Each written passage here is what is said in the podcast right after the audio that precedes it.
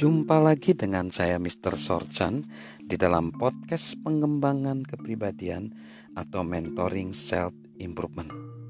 Pada saat ini kita masih mempelajari tentang sikap. Dunia mengirim sampah kepada kita. Dunia mengirim sampah kepada kita. Mungkin contoh terbaik tentang sikap positif di tengah situasi sulit yang pernah disaksikan adalah Recycle Orkestra dari Katera. Mereka juga disebut sebagai Paraguay Landfill Harmonic Orchestra. Orkestra ini pernah tampil di Helsinki, Finlandia dan sangat mengagumkan ketika mereka tampil. Mengapa mengagumkan? Karena mereka sangat berbeda dengan orkestra lainnya musisi-musisinya adalah anak-anak. Mungkin ini tidak membuat Anda terkesima, tetapi yang membuat terkesima adalah instrumen yang mereka buat adalah dari sampah yang mereka ambil dari tempat pembuangan akhir di Asuncion, Paraguay. Semua penonton terpesona mendengarkan musik yang indah yang dimainkan oleh anak-anak luar biasa ini ketika latar belakang mereka sangat sulit di dalam kehidupannya.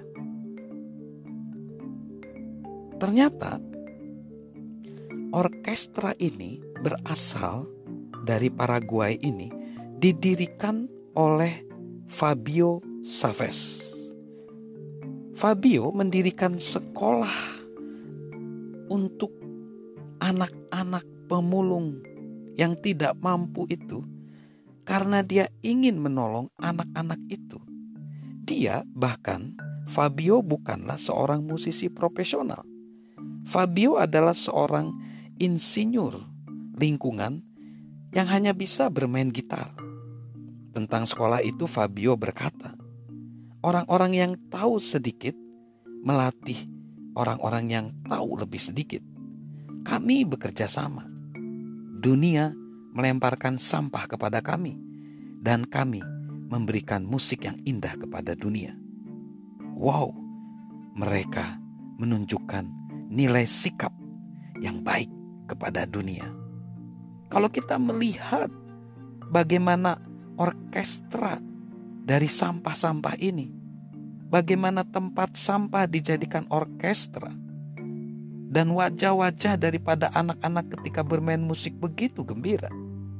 Hal ini sama seperti yang dikatakan oleh filsuf pemimpin hak-hak sipil dari Amerika yang bernama Howard Thurman.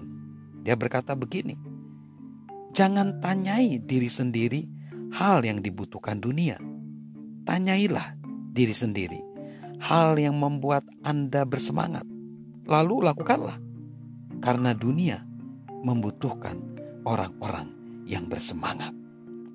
Kalau anak-anak pemulung itu bersemangat karena sikap mereka memampukan mereka mengatasi kesulitan, kemampuan mereka mengatasi kesulitan kemudian menumbuhkan mereka dan bahkan memberi nilai kepada orang lain. Bagaimana dengan kita? Jika sikap kita menjadi lebih baik karena keadaan Anda membaik, itu tidak menegaskan apa pun tentang sikap kita. Itu hanya tanda situasi Anda telah berubah. Bagaimana kalau sikap-sikap itu sulit? Bagaimana ketika kita menghadapi persoalan yang sulit? Justru ketika persoalan sulit ada, ketika ada badai kehidupan, kita harus bisa melewati badai itu dan kita menjadi pribadi yang lebih baik. Jadi sikap positif membedakan menjadi kita pribadi yang lebih tangguh dan lebih kuat. Salam sukses luar biasa dari saya, Mr. Sorjan.